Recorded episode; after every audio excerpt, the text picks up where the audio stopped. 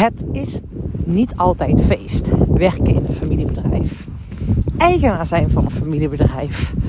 Nou, het werken en een eigenaar zijn, dat is sowieso een heel groot verschil. Ik geloof juist in dat het werken in een familiebedrijf echt een feest is.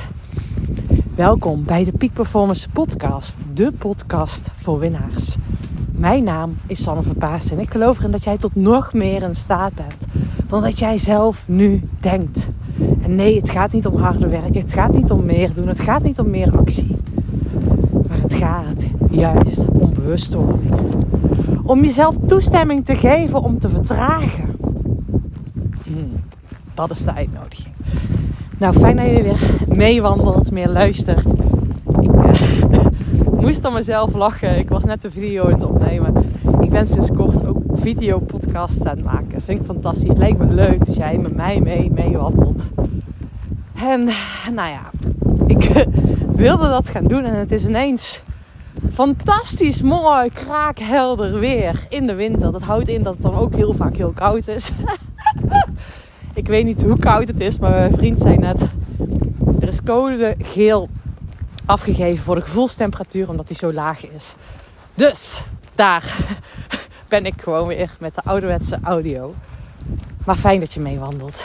En waar ik het dus vandaag over wil hebben, het is niet altijd feest. Het eigenaar zijn van een familiebedrijf. Of ook het werken in een familiebedrijf. Nou, ik merk aan mezelf, ik werk veel met familiebedrijven.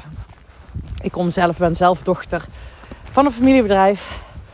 En wat ik altijd fantastisch vind, gewoon één positief ding is de energie, de vibe, de enthousiasme, de voorwaartse energie die in een familiebedrijf zit. Ook wat ik heel vaak zie, is dat een familiebedrijf financieel gezond is. Veel geïnvesteerd. Nou, dat is een bepaalde bedding. Uh, ook een van mijn klanten zei: ja, Jij bent nu hier, je bent onderdeel van een familie. Vaak voel je als, als je werkzaam bent in een familiebedrijf dat je onderdeel bent van een familie. Je voelt die, ja, die slagkracht, die daadkracht, die voorwaartse energie. Dat is het positieve van een familiebedrijf. Het minder mooie kant van een familiebedrijf is dat je de dynamiek, familiedynamiek, dat die voelbaar is op de vloer. Voelbaar is in de organisatie. Voelbaar is oh, in heel het systeem. Dus dat jij als werknemer de worsteling ziet, voelt, ervaart. Die de eigenaar als zoon of dochter ervaart. Die de, je misschien ervaar je zelfs de strubbeling, de uitdaging tussen broer en zus. Als het een familiebedrijf van een broer en zus is. En dat is precies ook waarom het niet altijd een feest is om eigenaar te zijn van een familiebedrijf. Dat is namelijk dat je met kerst ook aan tafel zit. Dat is namelijk dat je in het weekend wel vaker samen aan tafel zit. Je ziet elkaar vaker. Je bent ook elkaars familie. En ben jij in staat om die twee dynamieken te scheiden? Of loopt dit allemaal op de automatische piloot door de waan van de dag in elkaar door? En ik geloof erin als leider van een familiebedrijf is dit nog tien keer meer belangrijk. Dat je heel bewust bent. Wat is mijn rol? Vanuit welke plek zeg ik dit? En waarom dit zo belangrijk is, is dat juist in een familiebedrijf. Dus, en je hebt de familiedynamiek en je hebt de organisatiedynamiek. Ken je Hier. En dat zijn op zich al twee verschillende dynamieken. Alleen op het punt dat jij opkomt dagen binnen de organisatie vanuit de familiedynamiek. Dus bijvoorbeeld vanuit de plek als zoon of als dochter van. Daar kom jij niet als leider, als eigenaar, als directeur opdagen. En dan laat jij niet aan de organisatie zien welke leiderschapskwaliteiten jij in jouw mars hebt. Maar op het moment dat jij, want nou ja, in de familiedynamiek, kijk, als ik nu een verandering door wilt voeren, dan is het hè, eerst in mijn eigen leven, in mijn veilige context, ga ik hem doorvoeren. En ga ik de change maken. En dan ga ik dat naar de buitenwereld doen. Alleen de meest uitdagende change, welke change je ook wilt maken, is het meest uitdagend op het moment dat jij terugkomt bij jouw familie. En ik weet dat ik was op heel veel fronten van mijn leven veranderd. Toen hadden we weer een afspraak met mijn familie. Toen zei mijn vriend echt daarna, hoezo reageerde jij zo? Ik zei, ja, ik werd zo getriggerd vanuit mijn kindspijn. En ik reageerde niet als de volwassen maar vanuit mijn kindspijn. En ik was een heel proces verder. En ineens werd ik zo teruggetrokken in die oude dynamiek van kind Sanne die pijn heeft gehad van vroeger. En mijn moeder of mijn ouders, of ik deelde iets en mijn ouders reageerden erop. En ik zo... En ik reageerde dus niet vanuit de huidige plek. Maar stel je voor dat ik en mijn ouders een familiebedrijf zouden runnen. Of ik en een van mijn zusjes. En in plaats van dat ik vanuit de bewuste zijn kies voor de leiderschap om op te komen dagen als directeur, als eigenaar. Onbewust word ik getriggerd door wie dan ook. En ik blijf in die pijn zitten. Oh, dat kost zo'n zoveel energie. Dat kost. Ja, dan ga je dus naar de familie binnen de organisatie. Kom je niet als krachtig, inspirerend leider opdagen. Dan kom je opdagen vanuit die kindspijn. En dit is waarom het echt sowieso super belangrijk is dat jij als eigenaar, of misschien toekomstig eigenaar van een familiebedrijf, gaat werken aan jouw leiderschapskills. Zodat jij bewust wordt hoe jij blijft staan als leider. En je mag getriggerd worden. We zijn altijd maar mens. En je blijft altijd kind van. Of altijd broer of zus van. Maar het gaat erom, ben je in staat om weer te gaan staan. Om vanuit die leiderschap te gaan staan. In plaats van dat jij leidt onder de situatie. En deze dynamiek die gebeuren heel vaak op de onderstroom. Deze dynamieken. Ja, deze dynamieken die zijn intens voelbaar op de onderstroom. Ben jij in staat om niet te lijden met de lange ei onder deze situatie, maar echt te lijden in zo'n situatie. En dat je ook beseft dat dit part of the game is van een runnen van een familiebedrijf. Het ownen, eigenaarschap nemen, dat deze dynamieken er onderdeel van zijn. Zie je dit part of the game?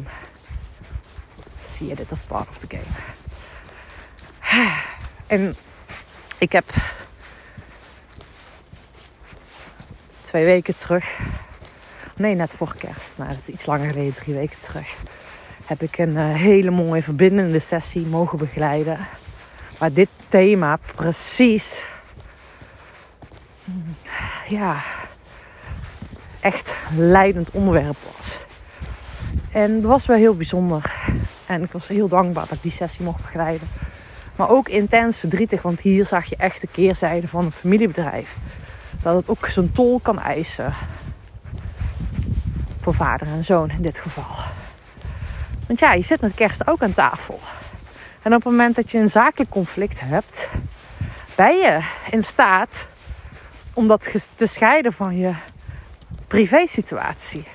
En ik geloof er echt in, heilig in, dat iedereen in staat moet zijn om op het moment dat wij een meningsverschil hebben, jij en ik, we hebben een meningsverschil. En jij denkt echt ergens totaal anders over dan ik. Dat wil toch niet zeggen dat onze relatie, dat het ten koste gaat van onze relatie. Als ik met jou een meningsverschil heb, dan kunnen we nog even goede vrienden zijn.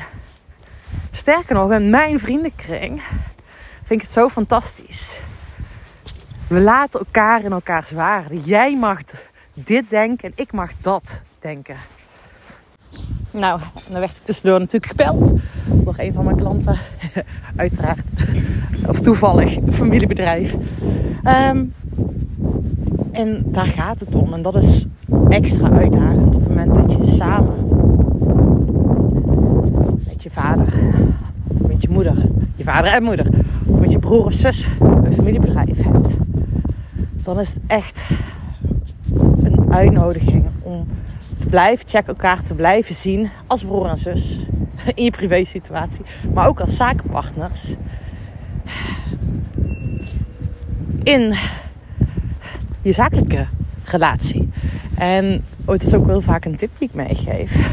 Op het moment dat je merkt, hé, hey, ik kom in een dynamiek terecht, in ja, een strijd, een, ho, een spanning, een, ja, een spanningsveld. Dat is misschien wel de mooiste woorden. Ik kom in een spanningsveld terecht. Dan is het echt de uitnodiging om aan elkaar te vragen: zeg je dit nu als vader of zeg je dit nu als mede-eigenaar? Zeg je dit nu als broer of zeg je dit als zakenpartner? Zodat je voorkomt dat je vanuit de juiste plek met elkaar in gesprek blijft, gaat. En daarom kan het nog wel eens zo zijn dat op het moment dat je familiebedrijf overneemt, dat het ook op basis van loyaliteit is. Anders neemt niemand het over. Dat je het doet omdat je denkt dat het van jou verwacht wordt. En er zit echt een kapitaal, een familiekapitaal, een erfenis zit in jouw systeem. In, zit er ingebakken. En het is echt de uitnodiging voor jou als leider binnen een familiebedrijf. Om jouw eigen manier te ontwikkelen, te ontdekken. Jezelf hier toestemming voor te geven. En sterker nog, kijk, dat is binnen families zo, binnen familiesystemen. Op het moment dat jij een eigen gezin start, dan moet jij ontrouw zijn aan jouw systeem van herkomst. Op het moment dat jij, kan je hier komen? Het moment dat jij samen je partner kinderen krijgt, een andere keus maakt, dan voelen je ouders heel vaak een soort van weerstand. Voelen ze van, oh, wat gaat er nu gebeuren? Ik zie ook heel vaak als er een nieuwe partner in het spel komt, dat de ouders op het begin niet staan te juichen. Want zij moeten dan op zoek gaan naar een nieuwe plek in het systeem. Ze zullen zien dat hun zoon of dochter dan minder naar hen toe komt. Ze zullen zien dat, nou ja, dat er een nieuwe, nieuwe routine, nieuwe patronen, nieuwe gewoontes ontwikkeld mogen worden. En precies dit is ook in een zakelijke context zo. Op het moment dat jij eigenaar bent van een familiebedrijf en je hebt het overgenomen, weet dat je ontrouw moet zijn aan jouw voorgangers, aan je systeem van herkomst. En niet vanuit boosheid, kwaadheid, maar vanuit liefde voor jezelf. Vanuit liefde voor een nieuwe managementteam. Vanuit liefde voor de nieuwe directie. Omdat jullie dat waard zijn op je eigen manier te doen. Maar doe je het ook echt op je eigen manier. Sta het jij jezelf ook toe daarvoor. Dat is de uitnodiging. Nou, een hele rand over waarom het soms ook niet helemaal makkelijk is om eigenaar te zijn van een familiebedrijf. De sessie met vader en zoon die in conflict waren, was een hele mooie verbindende sessie.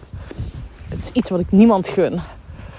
Dat, dat, dat je in een conflict komt, meningsverschil komt, zowel zakelijk, dat impact heeft op je privé. En ik gun iedereen die leiderschap, dat ze die twee van elkaar kunnen mogen scheiden. En dat is de uitnodiging van jou. Mocht je nu denken, voelen of willen sparren van Sanne, hey, hoe kan ik dat op mijn manier doen? Leiderschap owner. Er komt echt weer een heel tof leiderschapsprogramma aan, de Peak Performance Games. Speciaal voor familiebedrijven. En als je aan de bak wil met leiderschapsontwikkeling, ken je hier binnen jouw organisatie. I am there. Dat ga ik vandaag ook weer doen. Binnen een tof bedrijf. Samen aan de bak met het team. Om heel de organisatie naar een hoger niveau te tillen. Precies dit. Dat is waar ik blij van word. hey lieve jij, hele fijne dag. Geniet van vandaag. En als je denkt dat iemand deze podcast kan gebruiken, stuur hem gerust door. En uh, weet dat ik in uh, februari helemaal een maand lang aan de bak ga. Speciaal aandacht voor familiebedrijven. Super tof. Ga ik uh, mooie bedrijven interviewen.